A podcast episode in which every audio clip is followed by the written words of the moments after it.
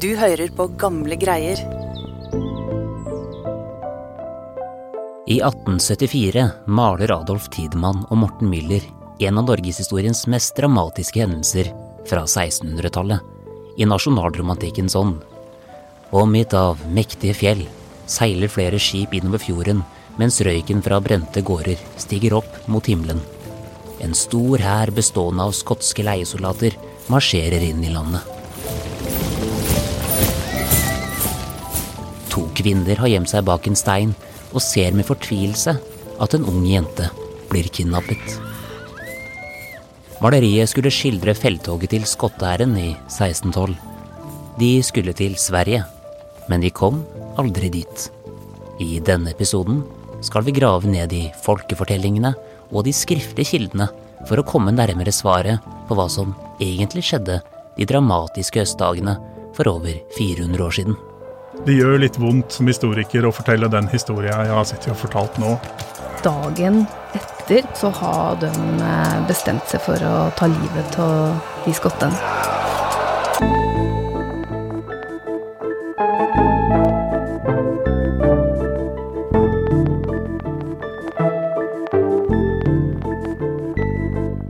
Velkommen til Gamle greier. Podkasten hvor vi her på Nasjonalbiblioteket gir deg historier fra samlingen vår.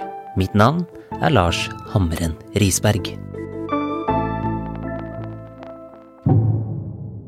Müller og Tidemanns maleri av Sinclairs landgang i Romsdalen det viser jo eh, skrekken som oppstår når et hærtog plutselig kommer inn i landet. Helt overraskende. Chris Nyborg, lokalhistoriker her på Nasjonalbiblioteket. Det skiller seg på mange måter ut blant de nasjonalromantiske maleriene, fordi det viser disse dramatiske hendelsene som skal komme i dagene videre. Og ved siden av deg, Chris, så har vi en eh, annen gjest som har et personlig forhold faktisk til eh, dette maleriet. Det er deg, eh, Ane. Kan ikke du utdype litt hvorfor dette maleriet er så spesielt for deg? Ja, jeg husker det bildet kjempegodt fra jeg var litt over jente. For på kommunehuset i Otta, der jeg vokste opp, så var, lå biblioteket, og ved inngangen til biblioteket så hang det en stor kopi av det maleriet. Ane Bjølgerud Hansen, historiker og lærer ved Universitetet i Oslo. Eh, og det er skotter med glatte hjelmer, og noen av dem holder ei jente fast. Husker vi lurte veldig på hva som skulle skje med hun jenta. Og, eh, og, det er et eh, veldig aggressivt bilde. Og jeg hadde besteforeldrene mine buende på Åndalsnes, der bildet er, skal være fra, da. Så jeg kjente jo at i fjellet og visste at jo, det ser jo slik ut, så dette her må jo ha skjedd. Vi skal høre mer fra deg, Ane, etter hvert, men med utgangspunktet i eh, Tidemann og Millers maleri, så skal vi høre den nasjonalromantiske versjonen først servert av Chris. Og Chris, hvordan var det skotske leiesoldater endte opp i Gudbrandsdalen? Ja, det var kanskje ikke den mest logiske veien, men det var en mulig vei til Sverige fra norskekysten. Og det er det det handler om. Vi befinner oss i Kalmarkrigens tid. Eh, den varte fra 1611 til 1613. Og hadde lite med Norge å gjøre, egentlig, men som del av Danmark-Norge så var vi jo dratt inn i det her.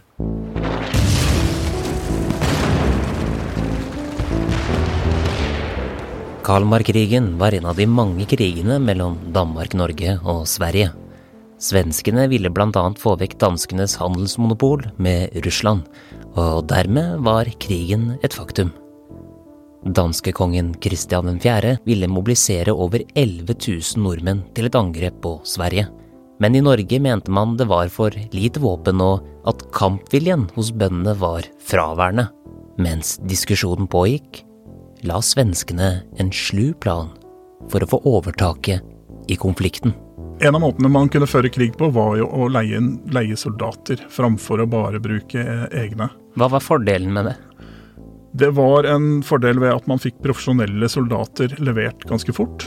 Uh, man hadde soldater som uh, stort sett var nokså sjølhjelpne i felt. De fikk ikke noe støtte av uh, kongen. de måtte klare seg sjøl ved å plyndre, gjerne. Uh, og uh, når krigen var over, så kunne de bare sendes hjem igjen. Man fikk ikke masse krigsskadde mennesker å forholde seg til etterpå. Så leiesoldater var veldig effektivt. Men uh, leiesoldater under Kalmarkrigen, det var en, slik jeg har forstått, noe man ikke skulle gjøre. Ja, det var uh, egentlig en enighet om at man ikke skulle gjøre det. Man skulle bruke sine egne folk. Uh, men i tillegg, med disse skottene, så oppstår det jo en ekstra sånn diplomatisk krise. Kristian 4. av Danmark-Norge, hans søster Anne var faktisk gift med skotskekongen Jakob. Og um, det førte jo til hissig brevskriving fram og tilbake. Kristian 4. skriver til Jakob av Skottland. Jakob, kjære svoger. Du må stoppe dette her. Du må ikke la skotske leiesoldater bli stående mellom oss. Og han sier? Nja, vi prøver, men det er ikke så lett å styre skotske unge krigshissige menn. Så han har ikke reelt sett så mange muligheter til å stoppe det her. Den skotske offiseren George Sinclair begynte å samle en hær på flere hundre mann. Men det var en risikofylt mobilisering som ikke måtte vekke oppmerksomhet. Denne mobiliseringen til Sinclair foregår mer eller mindre i smug, eh, sånn at skotskekongen Jacob eh, ikke skal få vite hva det er som foregår.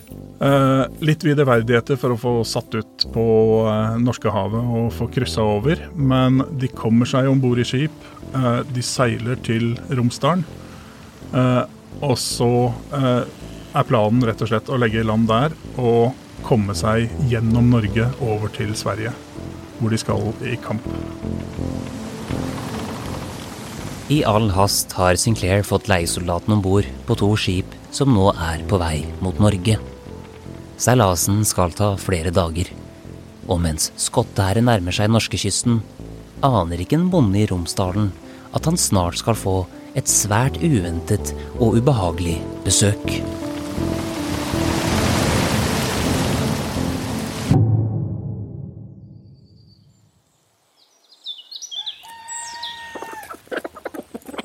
Peder Klungnes fra gården Klungnes eh, nede ved fjorden, han eh, så disse skipene. Og så tenkte han det må jo være handelsskip, for hva annet skulle komme inn fjorden nå? Så han tar til ikke pengepungen sin og sørger for å ha noen sølvmynter i den. Og så løper han ned til sjøen og skal handle.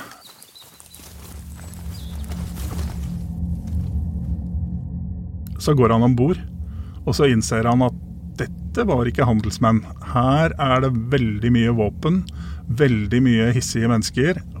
De tar jo selvfølgelig tak i han. Det er ingen tvil om at han er tatt til fange og blir pressa inn i tjeneste for uh, disse skottene. Høyst motvillig.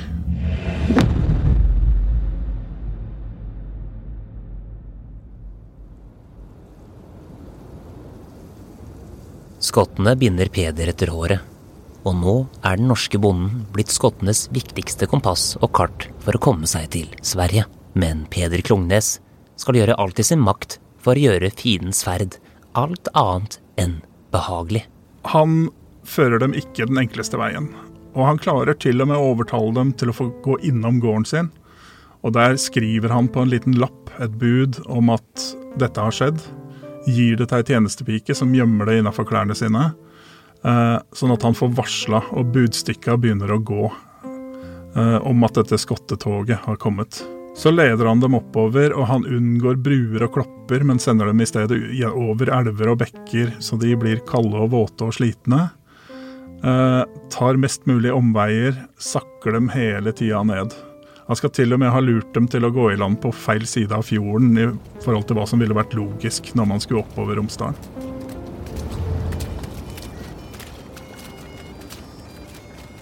Skottene vandrer oppover, leda av Peder. De er våte, slitne, møkkete etter å ha kava seg opp eh, gjennom dalen. Så kommer de til en gård, og der må de ta inn for å få seg mat og nattely. Det er måten man gjør det på. De stjeler det de kommer over, spiser opp det de kan av mat, ødelegger annen mat, og i flere tilfeller setter de rett og slett husene i brann når de skal gå derfra. Kvinner blir misbrukt, skjenda, eh, i noen tilfeller drept. Dette er også noe gudbrandsdalsdikteren Edvard Storm skildra i et av sine dikt.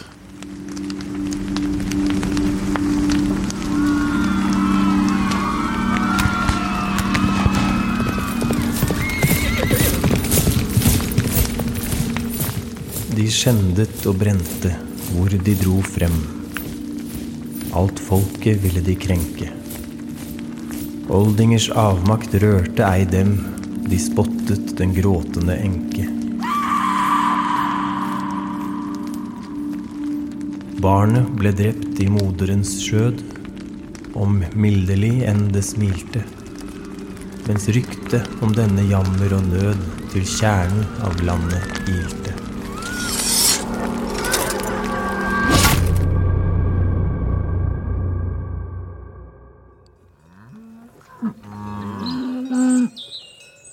Søndag 23. august. På gården Hage i Dovre bor bygdas lensmann Lars Hage. Han har nettopp mottatt budstikken. Innholdet er ikke til å misforstå.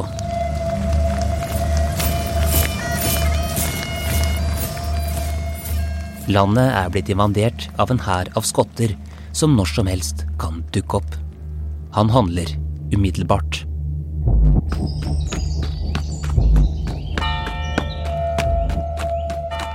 Han løp til Dovre kirke. Det er søndag. Presten står på prekestolen.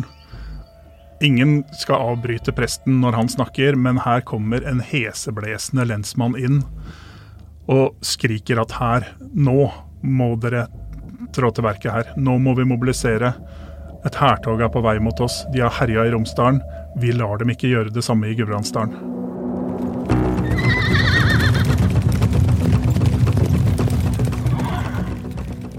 Så nå mobiliserer Lars Hage en bonde her på over 500 mann. Men hva slags militær kompetanse er det disse bøndene har fra før? Lars Hage han skal ha spurt folk er det noen her som har krigserfaring, og prøvd å samle alle som hadde det. Det de hadde, var våpen. Alle gårder var pålagt å ha krigsvåpen liggende.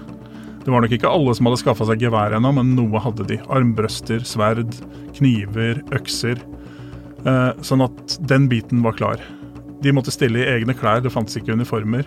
Så det var nok en broka forsamling med ymse våpen som kom.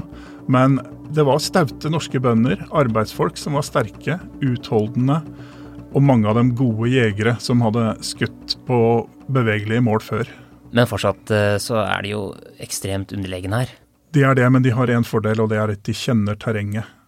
Og terrenget i Gudbrandsdalen er godt egnet for geriljakrigføring hvis man vet hvor man skal sette et skikkelig bakhold.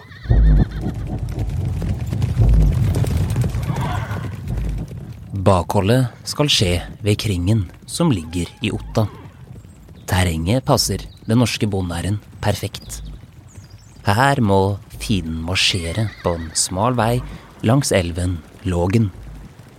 Ved siden av veien er det en bratt fjellskråning, hvor nordmennene skal velte tømmer og stein for å sperre veien og knuse så mange skotter som mulig før de angriper. Men for at planen skal fungere, trenger de å få et signal for når skottæren er på sitt mest sårbare. Og det er her en av fortellingens største helter dukker opp. De har jo lagd seg et varslingssystem, og da får vi kanskje den mest legendariske skikkelsen fra eh, denne historien her, nemlig Pillarguri, eller Prillarguri. Eh, dette er en kvinne som står litt utafor samfunnet. Eh, det nevnes opp henne at hun har barn utenfor ekteskap og alt mulig. Kanskje ikke den logiske kandidaten til å bli den store helten. Men dette er jo hennes, eh, hennes store bidrag eh, til lokalsamfunnet. Hun stiller seg opp på en høyde. Hun har med seg et klede som hun har vikla rundt armen. Som hun står og vikler opp mer og mer for å vise hvor nære de har kommet. Og så var hun eh, veldig dyktig til å spille på prillarhorn. Eh, gjerne et bukkehorn som man brukte. Som kunne spille enkle toner. Så begynner skottene å komme inn i det terrenget hvor bakholdet er lagt. Guri står der på toppen sin og følger med. Så begynner hun å spille en vemodig melodi, og det fortelles at hun tenkte på barnet sitt når hun spilte den her. Eh, skottene de svarer med en marsj på sekkepiper. Prillaguri Brillaguri svarer på hornet. Skottene svarer på sekkepiper. De av oss som eh, har vokst opp med amerikansk film, kan høre banjoduellen nå, ikke sant? Eh, Hvor det bare går en sånn musikalsk duell mellom Prillaguri og skottene. Og så slutter hun å spille den vemodige melodien. Og så gir hun et kraftig, kraftig støt i bukkehornet. Og da vet Lars Hage og mennene han har under seg, at nå står skottene på riktig sted.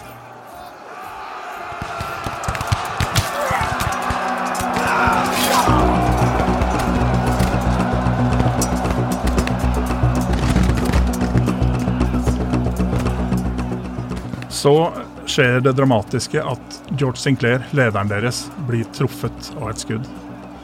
Uh, Berdon Segelstad, den beste skytteren i området med det beste geværet, legger an mot en granlegg og brenner av et skudd. Han skal ha brukt en sølvknapp fra sin egen jakke, som han har knadd til ei kule, og så treffer han Sinclair midt i panna.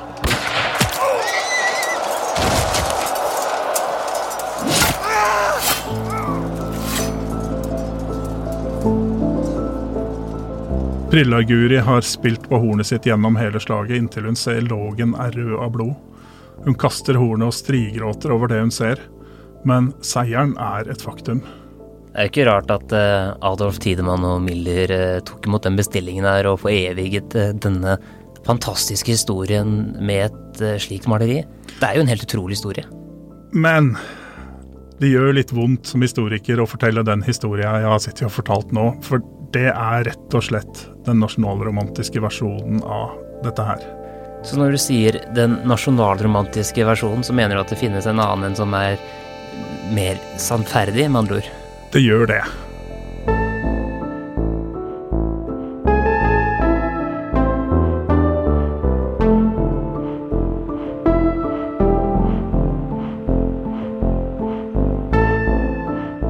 Ja, Ane, da har Chris helt bevisst fortalt den eh, nasjonalromantiske versjonen og folkefortellingen av skottetoget og slaget ved Kringen. Nå skal vi gå kritisk gjennom historien. Hvordan skal vi gjøre det?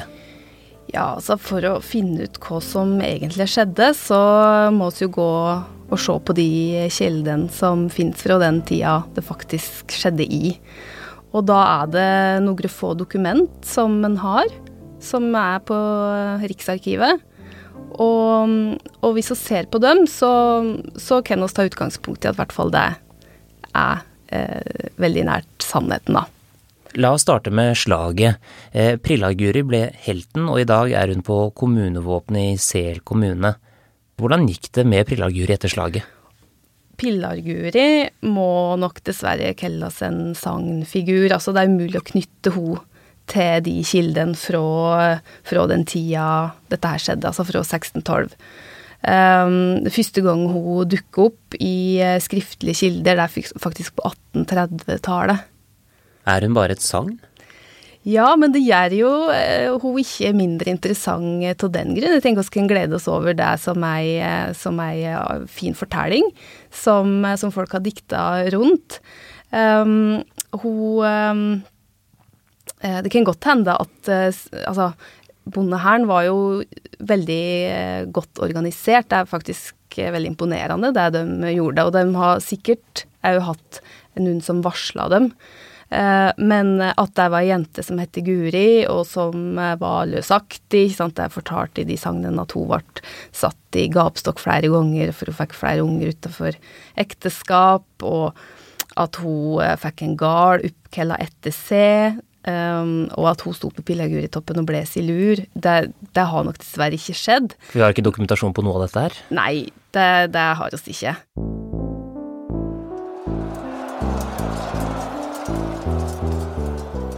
Når du starter med å fjerne selveste Prillarguri fra fortellingen, da er jeg rimelig spent på fortsettelsen her. Eh, hvilke andre ting er det som skurrer for din del? Ja, f.eks.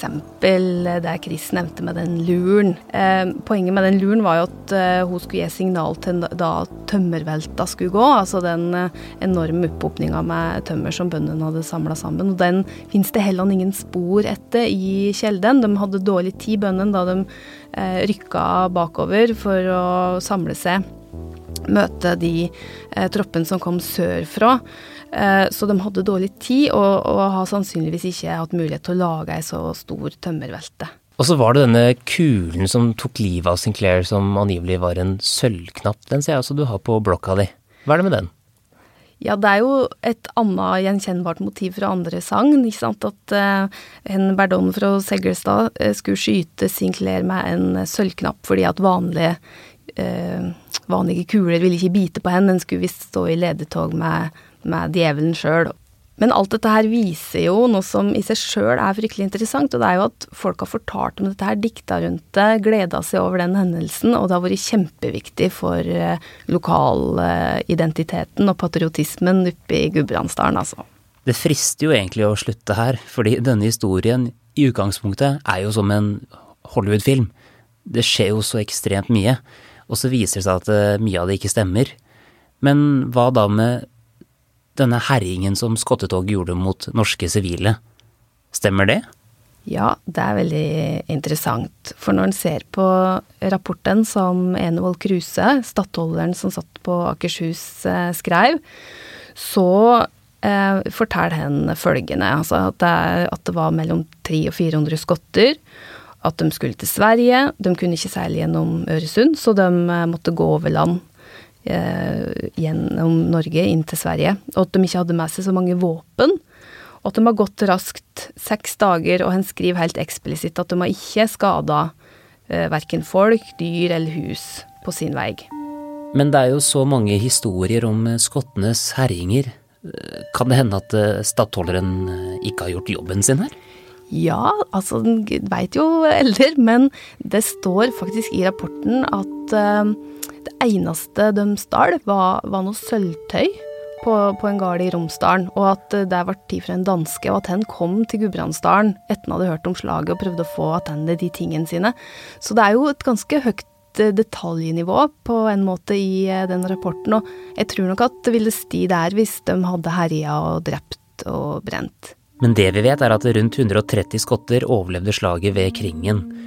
Så ble de tatt til fange, og planen var at de skulle til eh, Akershus festning, var det ikke? Og hvordan gikk den ferden? Ja, det som eh, skjedde med dem, var at de eh, gikk videre, antageligvis samme dagen, sørover i, i dalen. Og at de ble oppe vår og satt i en låve på Klomstad ved Kvam.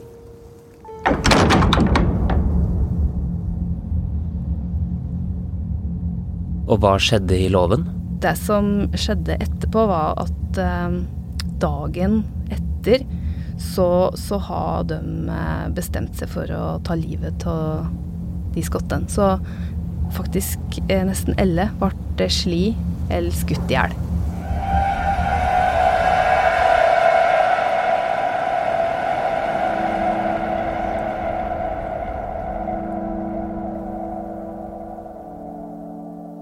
Vi vet at det var 18 skotter som eh, overlevde massakren, og hva skjedde med de etterpå?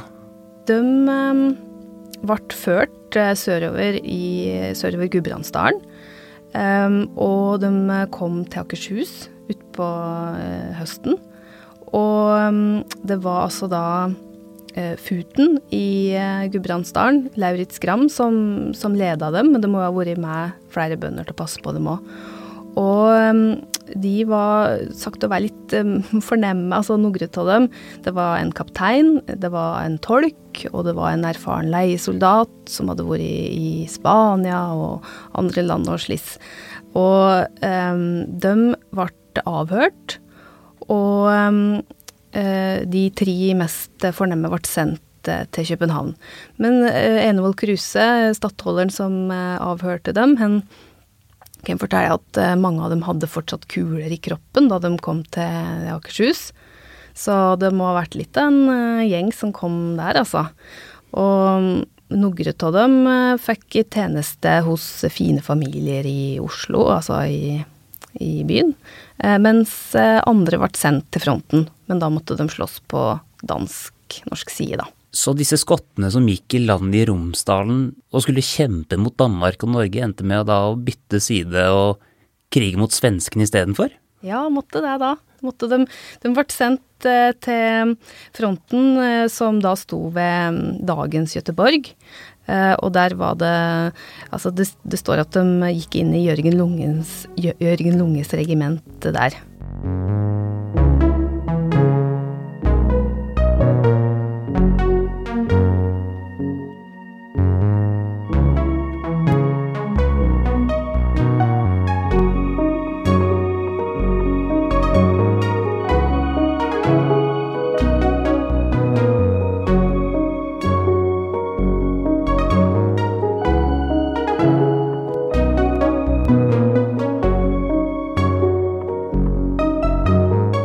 Du fikk lyst til å lese mer om denne historien, så kan du gå inn på nb.no, hvor du finner flere bøker som Ringen om kringen av Syverbakken eller Slaget ved kringen av Hans Petter Krag. Dette er bare to av flere bøker fra samlingen om de dramatiske dagene i 1612. Musikken du hørte i denne episoden, og som du hører akkurat nå, er skrevet og produsert av Therese Aune. Du finner mer av hennes musikk på thereseaune.com, eller der du strømmer musikk til vanlig. Mitt navn er Lars Hammeren Risberg. På gjenhør.